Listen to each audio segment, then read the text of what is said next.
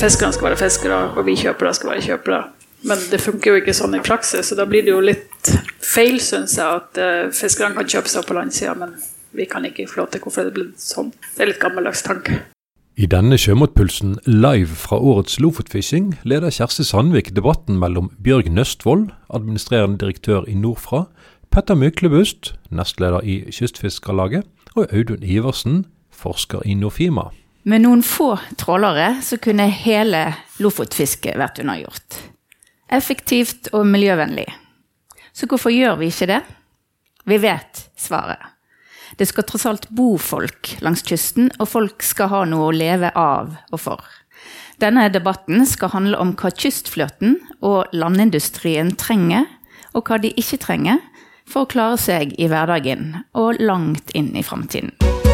Og med oss til å snakke om det, så har vi Petter Myklebust fra eh, Flakstad, fiskersønn og nestleder i Kystfiskerlaget.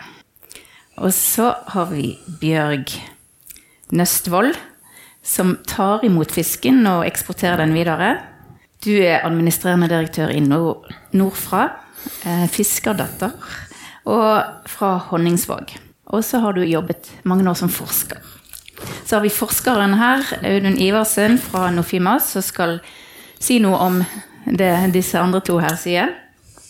Du har forsket på et stort spekter av problemstillinger knytta til fiskeri, fiskeindustri og oppdrettsnæringen i 24 år.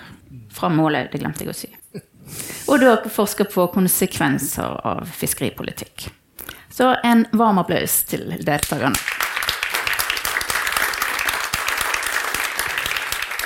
Begynner med deg, Petter. Du er midt i en hektisk sesong. Jeg har skjønt at det er ikke mange fridager for deg nå i vinterfisket. Kan du fortelle litt om hvordan sesongen har vært?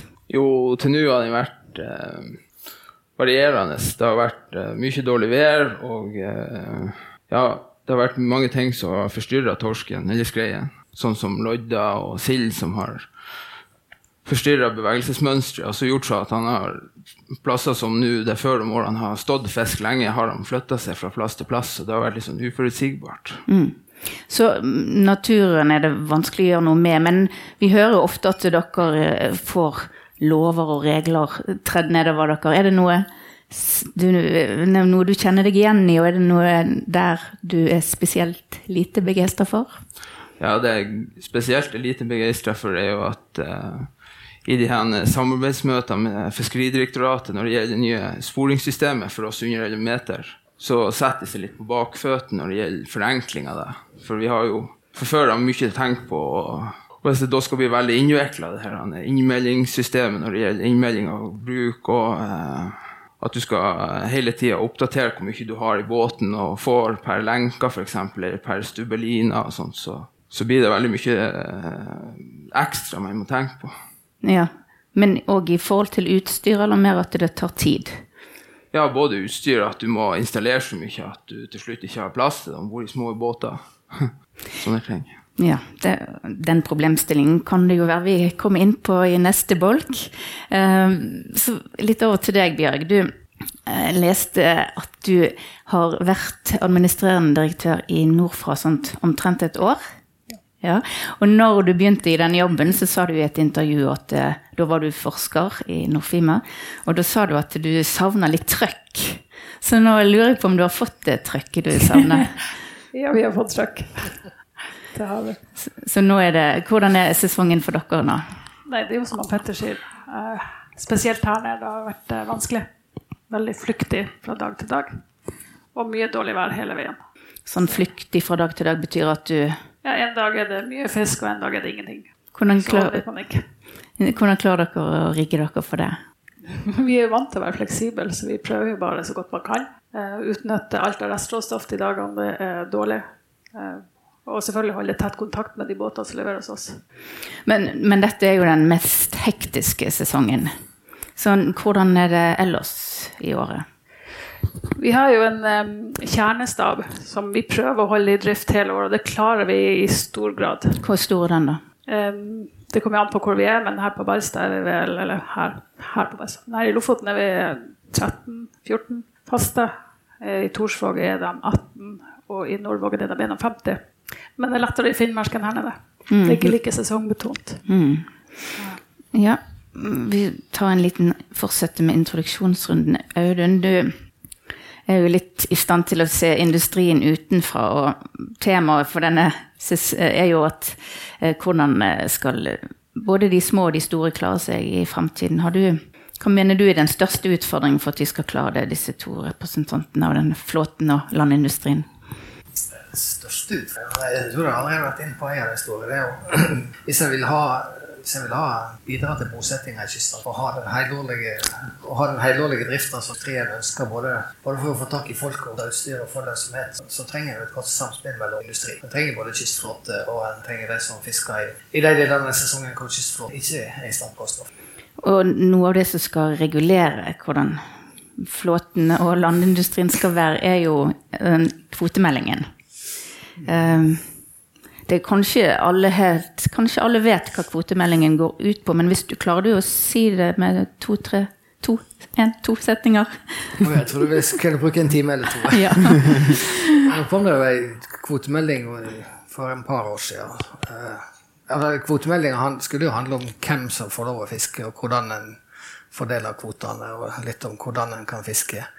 Uh, så ble den kvotemeldinga behandla av Stortinget, og så er det en del ting som en fortsatt ikke er helt fornøyd med. Og så nå er det jo snakk om en ny kvotemelding som skal, som, som skal opp. Og det, det, er jo en del av de tingene som er som er spennende å følge med på. For det, den fiskeripolitikken har jo en god del å si for hvordan eh, rammevilkårene blir for både flåten og for industrien. Og det at man stadig får nye meldinger, eh, gjør, betyr vel at det er ganske vanskelig å legge en god strategi. Hvis du skulle noe, komme med innspill til hva som bør med i kvotemeldingen, Petter, hva ville du sagt var viktig å få med? Det er å få med at det, viktigste er at det blir forutsigbarhet, sånn at uh, man vet f.eks. om skal man kjøpe kvote nå hvis at prisene stiger, eller kan man vente litt? Og um, ja, hva som skjer videre med f.eks. samfiske for de under 11 meter. For det er jo mange, mange av den, mye av den flåten som er her nå, driver jo på med det. Mm. Så de må jo få vite om, uh, ja, om hvordan det blir framover. Og samfiske betyr jo at man får lov til å Fiske to kvoter på en båt mm. under 11 meter.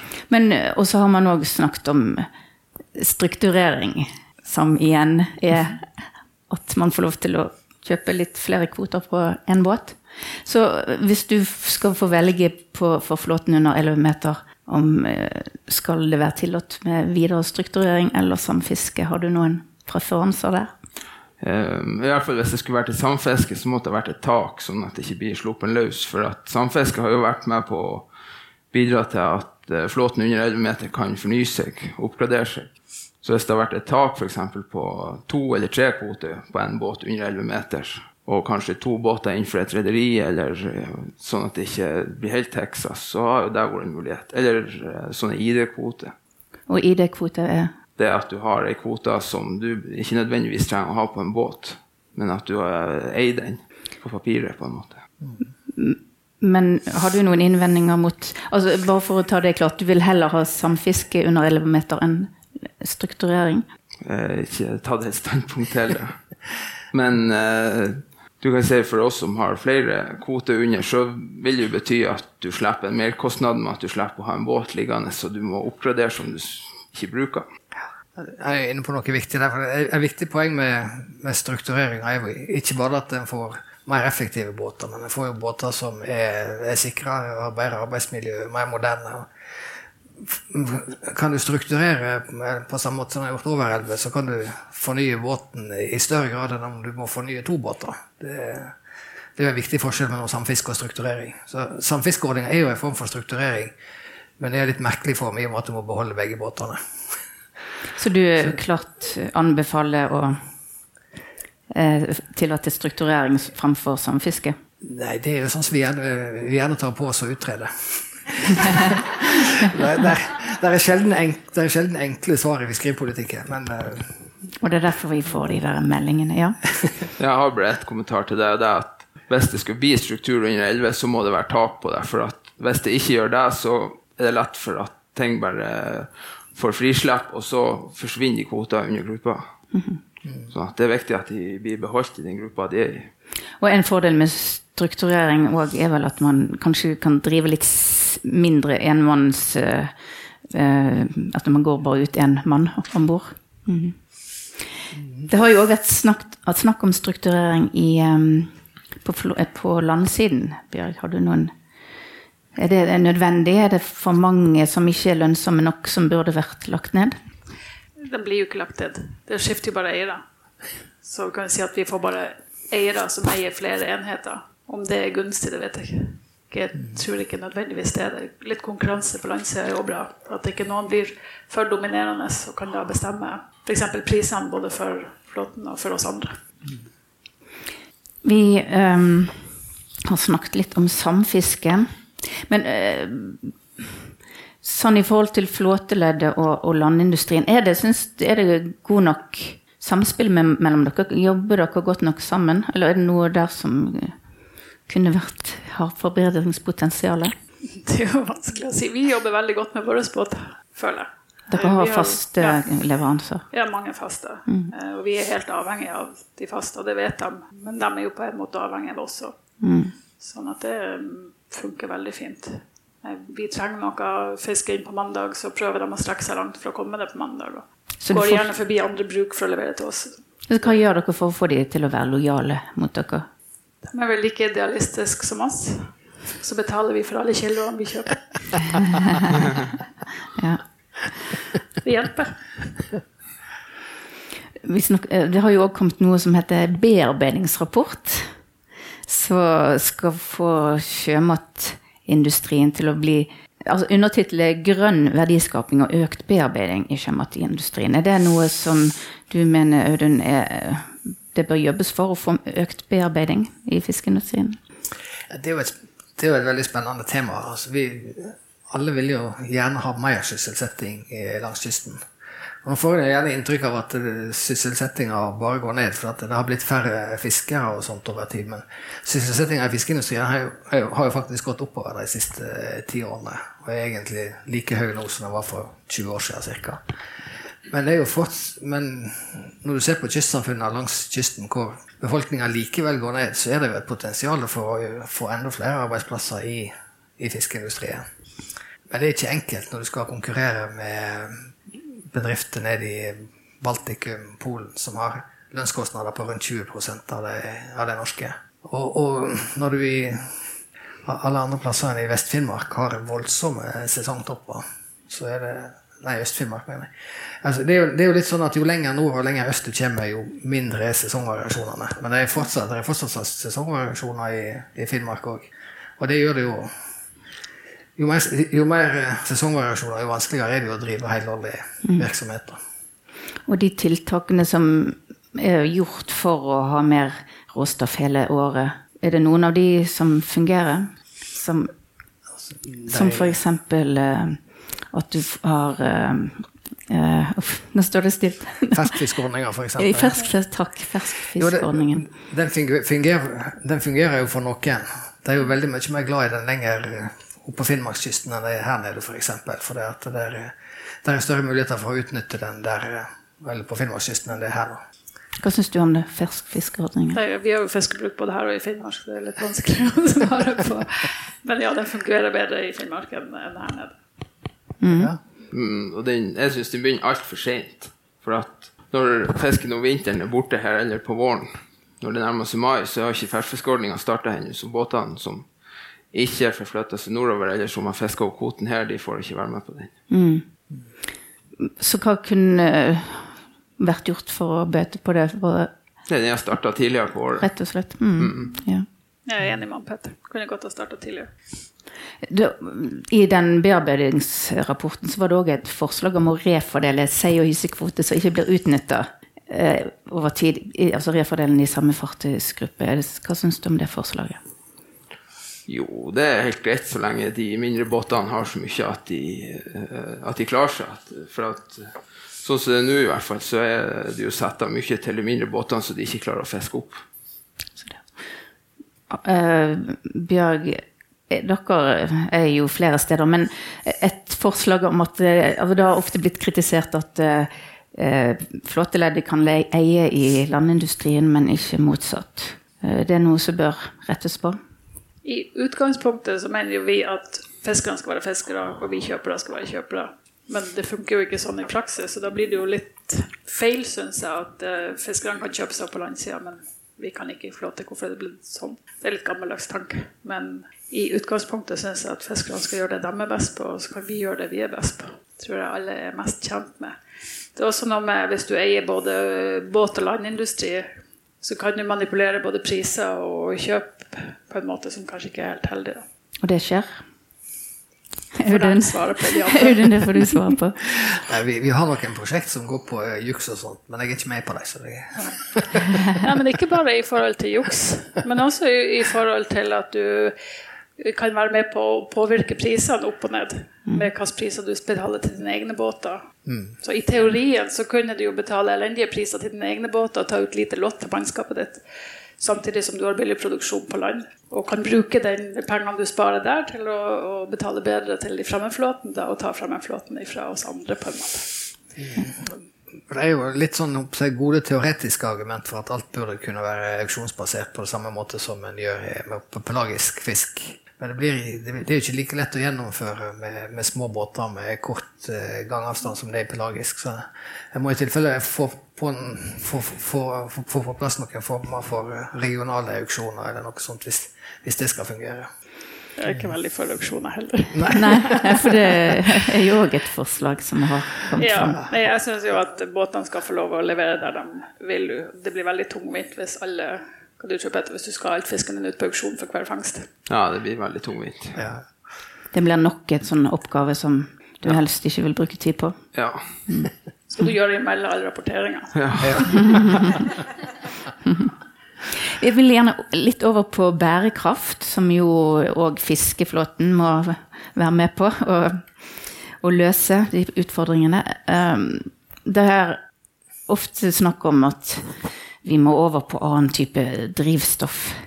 Hva ser du for deg hvis du skal se litt inn i framtiden? Er det altern gode alternativer?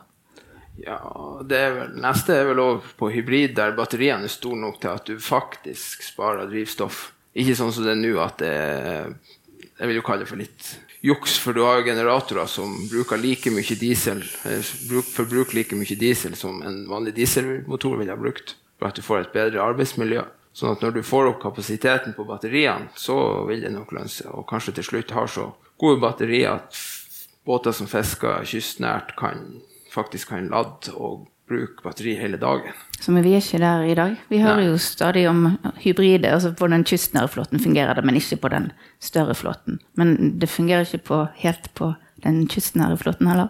Nei, ikke helt ennå, men det er jo i en eh, utviklingsfase, så Så Så hybrid, hva med um, andre typer uh, drivstoff enn elektrisitet og diesel? Ser du for deg noe, noen andre muligheter? Nei, De snakker jo om hydrogen, men det tror jeg også er langt fram og kostbart. Det er vel mer å hente på havgående flåte i forhold til begrensninger, altså på ressurs, altså bedre bruk av enten diesel eller, eller hydrogen enn på kystflåten. Men landindustrien, da, er det noen uh, justeringer dere kan gjøre? Vi er så flinke. Så.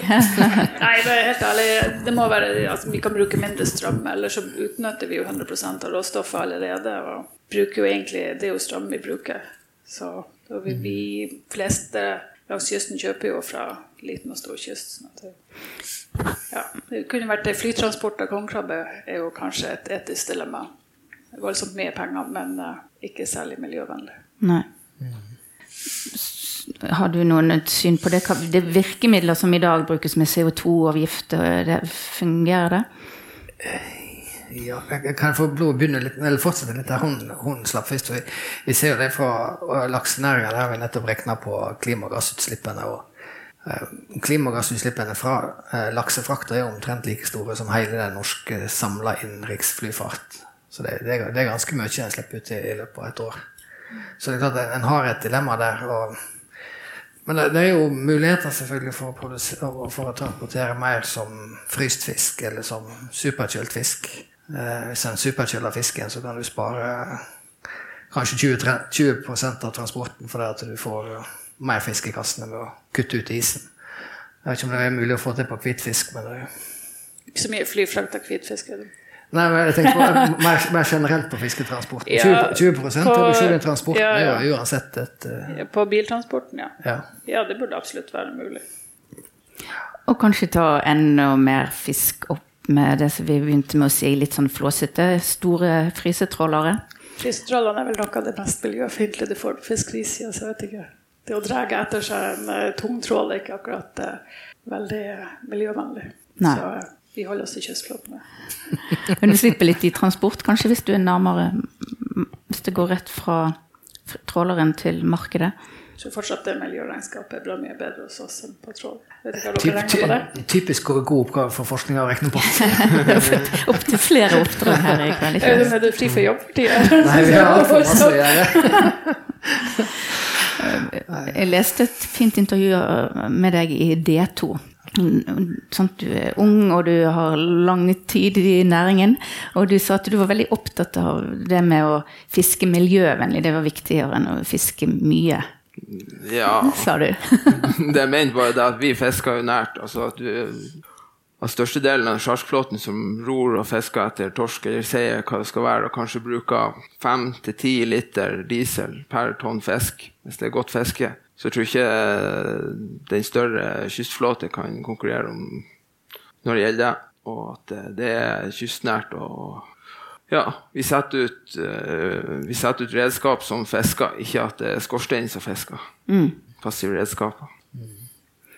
Har du vært inne på det med CO2-avgift, og hvordan den fungerer i forhold til å få et bedre klimaavtrykk? Ikke meg personlig. Vi har, har hatt Jan Roald Isaksen hos oss har jobba mye med det. Er han i departementet og skal sitte, så jeg er spent på hva han kommer ut med derfra. Men fiskeflåten har jo fritak for CO2-avgifter, og det er, jo, det er jo et spørsmål hvor lenge, hvor lenge det politisk vil være gangbart, f.eks. Det kan sikkert politikerne si noe om etterpå. Men det er klart at CO2-avgifter vil jo være, bety voldsomt eh, masse for økonomien hvis, det, hvis eller når en ikke lenger får de eh, tilskuddsordningene. Det vil jo gi et voldsomt kick til å, til å fornye flåten eller for, gjøre noe med driftsformer for å få ned drivstoffet. Eh, nå- Det var litt artig det du sa det om eh, hybridbåter. Vi har, vi har sett litt på arbeidsbåter i oppdrett, og der har det skjedd en voldsom utvikling de siste tre-fire årene. Hvor en ser at er de aller fleste som bruker sånne her 15 meters eh, arbeidsbåter, de, de vil jo ofte klare seg med en hybridbåt. Det og, og noen klarer seg helt fint med en elbåt òg, fordi du, du ligger såpass stor del, andel av tida i ro på, på anlegget. Så det, det er jo den tida som er fra landbasen og ut til anlegget som eh, virkelig drar drivstoff. Og det samme ser jeg når en del der det kystnære fiskeriet. Det er jo, det er jo gangtida fra, fra kyst, eller fra hjemmehavna og ut som, som drar mye drivstoff. Mens en del av fiskeriaktiviteter så ligger en ganske i ro, kanskje, og, og kan fint gå på hybrid og få da, Det er ikke bare at du reduserer drivstofforbruket, men du reduserer vedlikeholdskostnadene òg hvis du har bare en tredjedel av eh, gangtida på, på, eh, i forhold til en vanlig dieselbåt. Så det er, det er jo teknologi som absolutt er, ligger i vannskorpa og er klar for å bli kommersialisert. Og som gjør det interessant for større deler av fiskeflåten òg. Så hva skal til for at flere går på de ordningene, da? Tilskudd? Mm, Ja, en del av det, i hvert fall. Mm, en li- vil bare litt innom eh, det med kvalitet. fordi at hvert år så hører vi at eh, kvaliteten er ikke god nok. Eh, selvfølgelig er det nok stor variasjon der. Men altså, hva vil du si, Bjørn, av det dere får inn av råstoff? Er- Behandler de fisken godt nok før dere får den? Våre båter gjør det. Nei, men selvfølgelig ikke Det er jo ikke like lett bestandig, selv om de prøver så godt de kan. Hvis det er mye dårlig vær, f.eks., eller, eller mye lodde eller gangtid, så vil det jo være naturlige variasjoner. Men det er klart det er kjempestor forskjell fra båt til båt. Det er det. Veldig stor. Og de som er flinke, hva er det de gjør som de ikke er flinke gjør? Og kanskje Pettersen. Ja, det. Nei, det er nå å ha fisken i containere, at du har den fast, at den ikke blir liggende løst, og at den får være i vann og blø ordentlig ut. Viktig. God Også- blogging Ja. er viktig. Ja. Er det utstyr eller holdninger vi kommer mest an på? Holdninger. Garantert. Garnfisk og garnfisk er to sinnssykt forskjellige verdener. Altså. Jeg har kjøpt mye garnfisk. Jeg har vært fiskekjøper òg. Ja. Der tror jeg nok er blitt bedre og bedre med årene òg.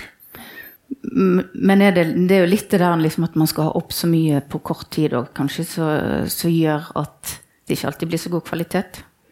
Kan jo ødelegge fisken på land òg lett hvis vi ikke håndterer den ordentlig. Og vi har jo òg mye fisk som skal gjennom systemet på kort tid. Men eh, man må jo bare alle ta det ansvaret for det råstoffet man har fått, fått tildelt. tenker jeg.